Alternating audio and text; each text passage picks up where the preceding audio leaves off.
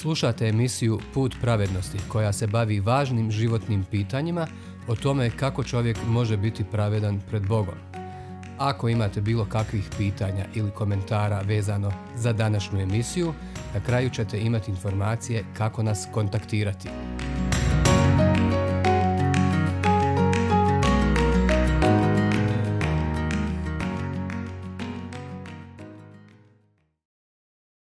Isus osuđen Matevo evanđelje 26. i 27. glava i Ivanovo evanđelje 18. i 19. glava.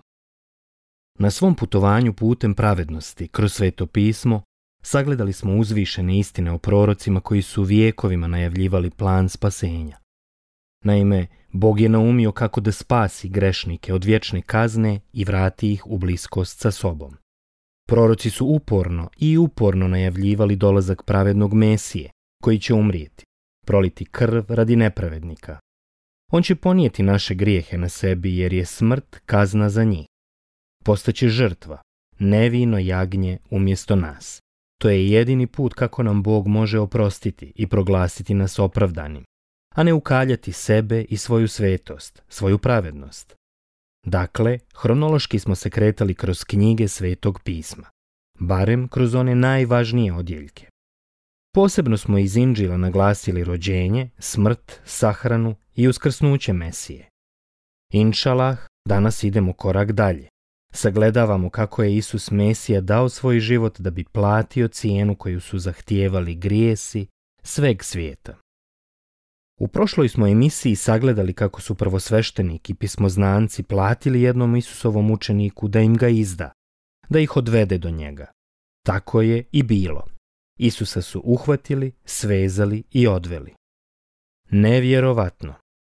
Zašto je onaj koji je otjelotvorenje sile Božije dopustio tako nešto, da ga tako ponize i uhvate dušmani? Želio je time ispuniti proroštva o sebi. On je i došao zbog toga, kao Mesija postradati do smrti, potom uskrsnuti trećeg dana iz mrtvih, kako bi svi koji povjeruju u njega dobili oproštenje grijeha. Da, sve je bilo kako su vijekovima proroci prorokovali. Mesija je dopustio da ga kao jagnje odvedu na klanje. Knjiga proroka Izaije, 53. glava, 7. stih. Ali čitamo dalje. Pogledajmo šta se sve dešavalo te mrkle noći nakon što su vjerske vođe uhvatile Isusa. Čitamo probrane odjeljke Inđila. Zatim odvedoše Isusa velikom svećeniku. Iskupe se svi glavari svećenički, starješine i pismoznanci. Petar je izdaleka išao za njim do u dvor velikog svećenika. Tu je sjedio sa stražarima i grijao se uz vatru a glavari svećenički i cijelo vijeće da bi mogli pogubiti Isusa, tražili su protiv njega kakvo svjedočanstvo, ali nikako da ga nađu. Mnogi su do duše lažno svjedočili protiv njega, ali im se svjedočanstva ne slagahu. Ustali su neki i lažno svjedočili protiv njega.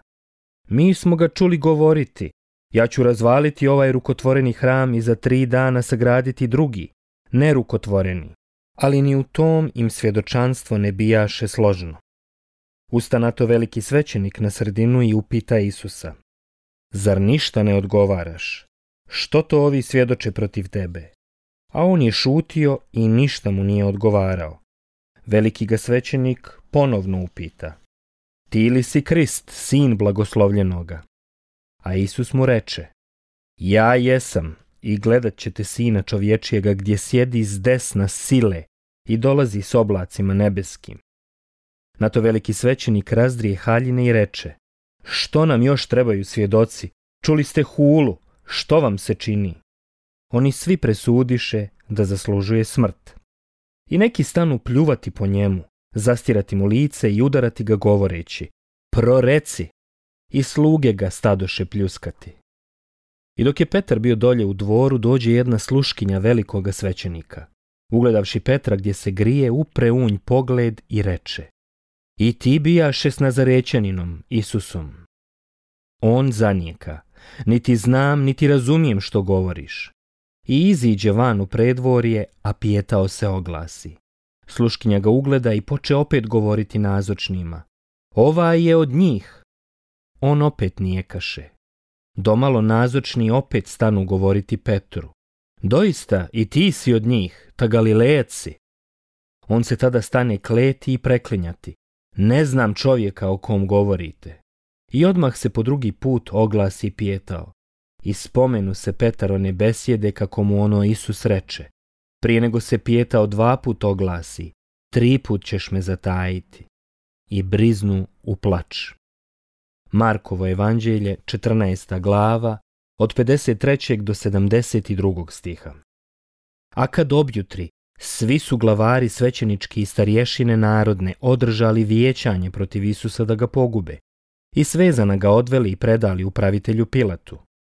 Kada Juda, njegov izdajica, vidje da je Isus osuđen, pokaja se i vrati 30 srebrnjaka glavarima svećeničkim i starješinama, govoreći Sagriješih predavši krv nedužnu, odgovoriše, što se to nas tiče, to je tvoja stvar, i bacivši srebrnjake u hram, ode te se objesi. Matejevo evanđelje, 27. glava, od 1. do 5. stiha. Na to odvedoše Isusa od Kajfe u dvoru praviteljev. Bilo je rano jutro, i oni ne uđeše da se ne okaljaju, već da mognu blagovati pashu. Pilat tada iziđe pred njih i upita, Kakvu tužbu iznosite protiv ovoga čovjeka? Odgovore mu. Kad on ne bi bio zločinac, ne bismo ga predali tebi. Reče im na to Pilat. Uzmite ga vi i sudite mu po svom zakonu. Odgovoriše mu židovi. Nama nije dopušteno nikoga pogubiti.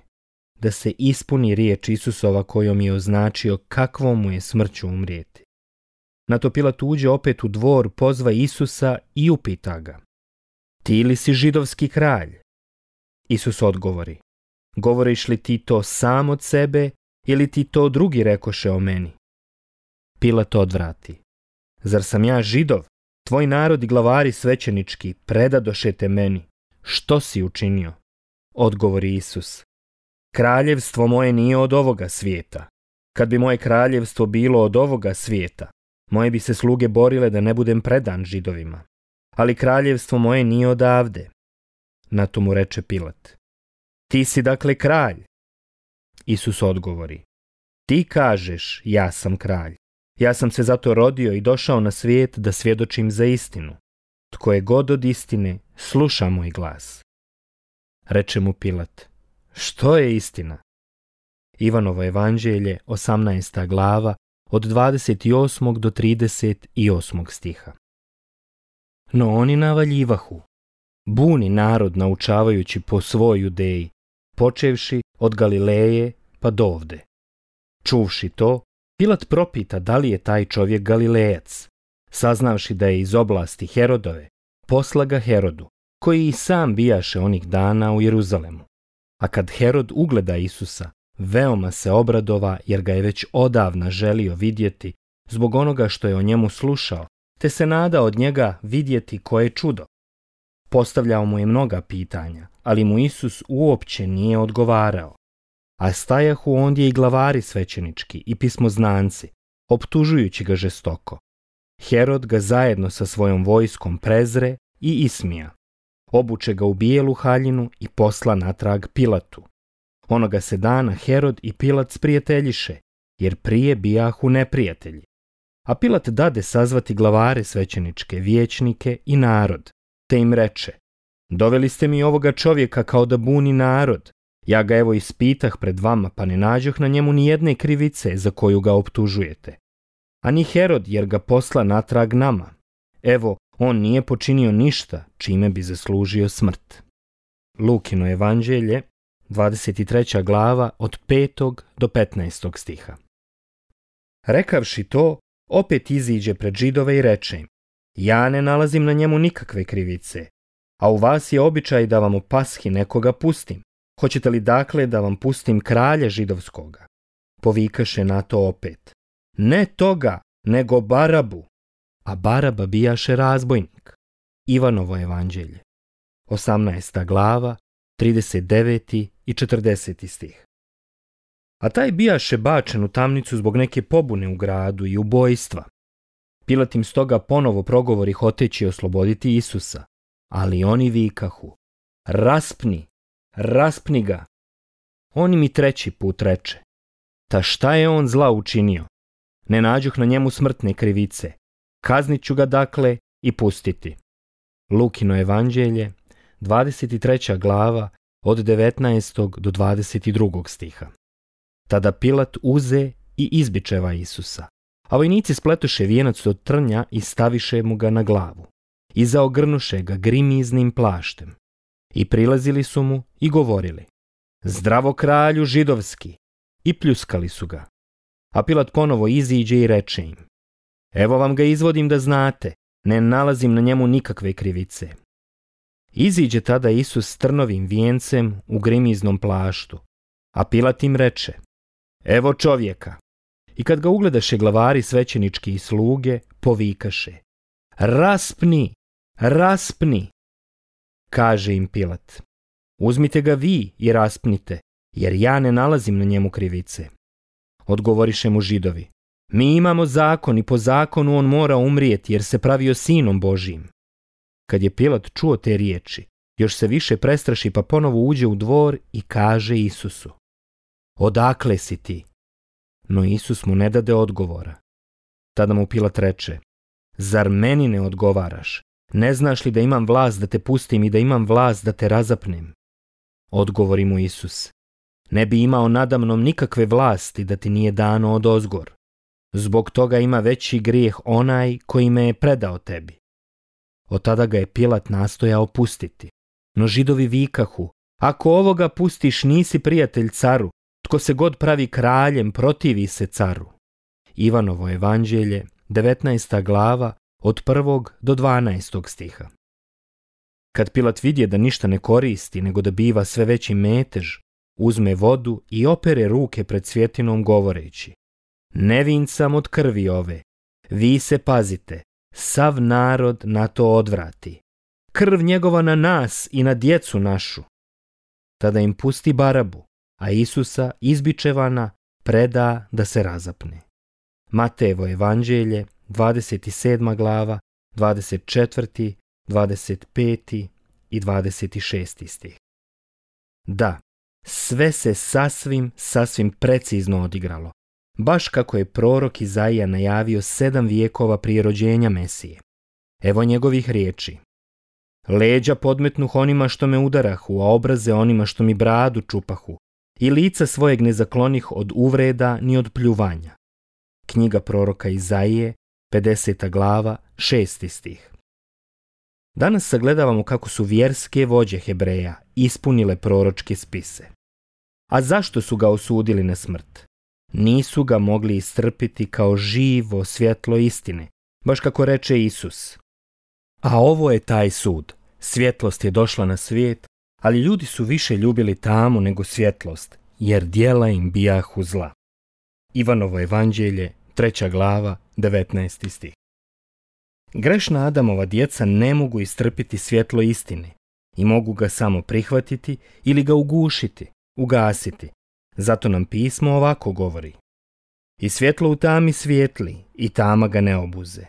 Ivanovo evanđelje, prva glava, peti stih a koje ni jedan od knezova ovoga svijeta nije upoznao, jer da su je upoznali, ne bi gospodina slave razapeli.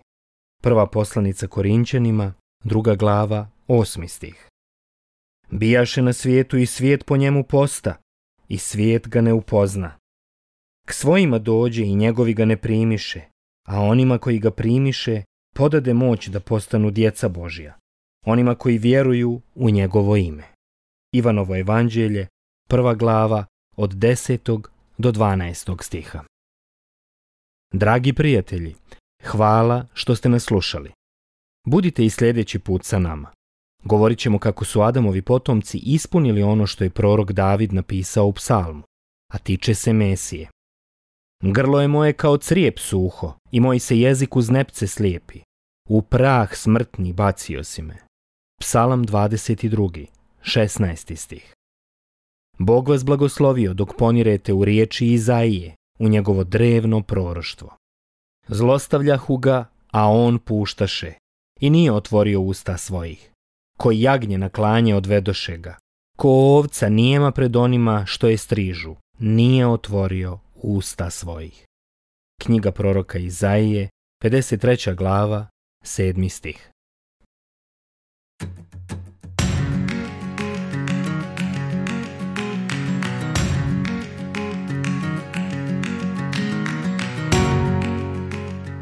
Hvala vam što ste slušali današnju emisiju.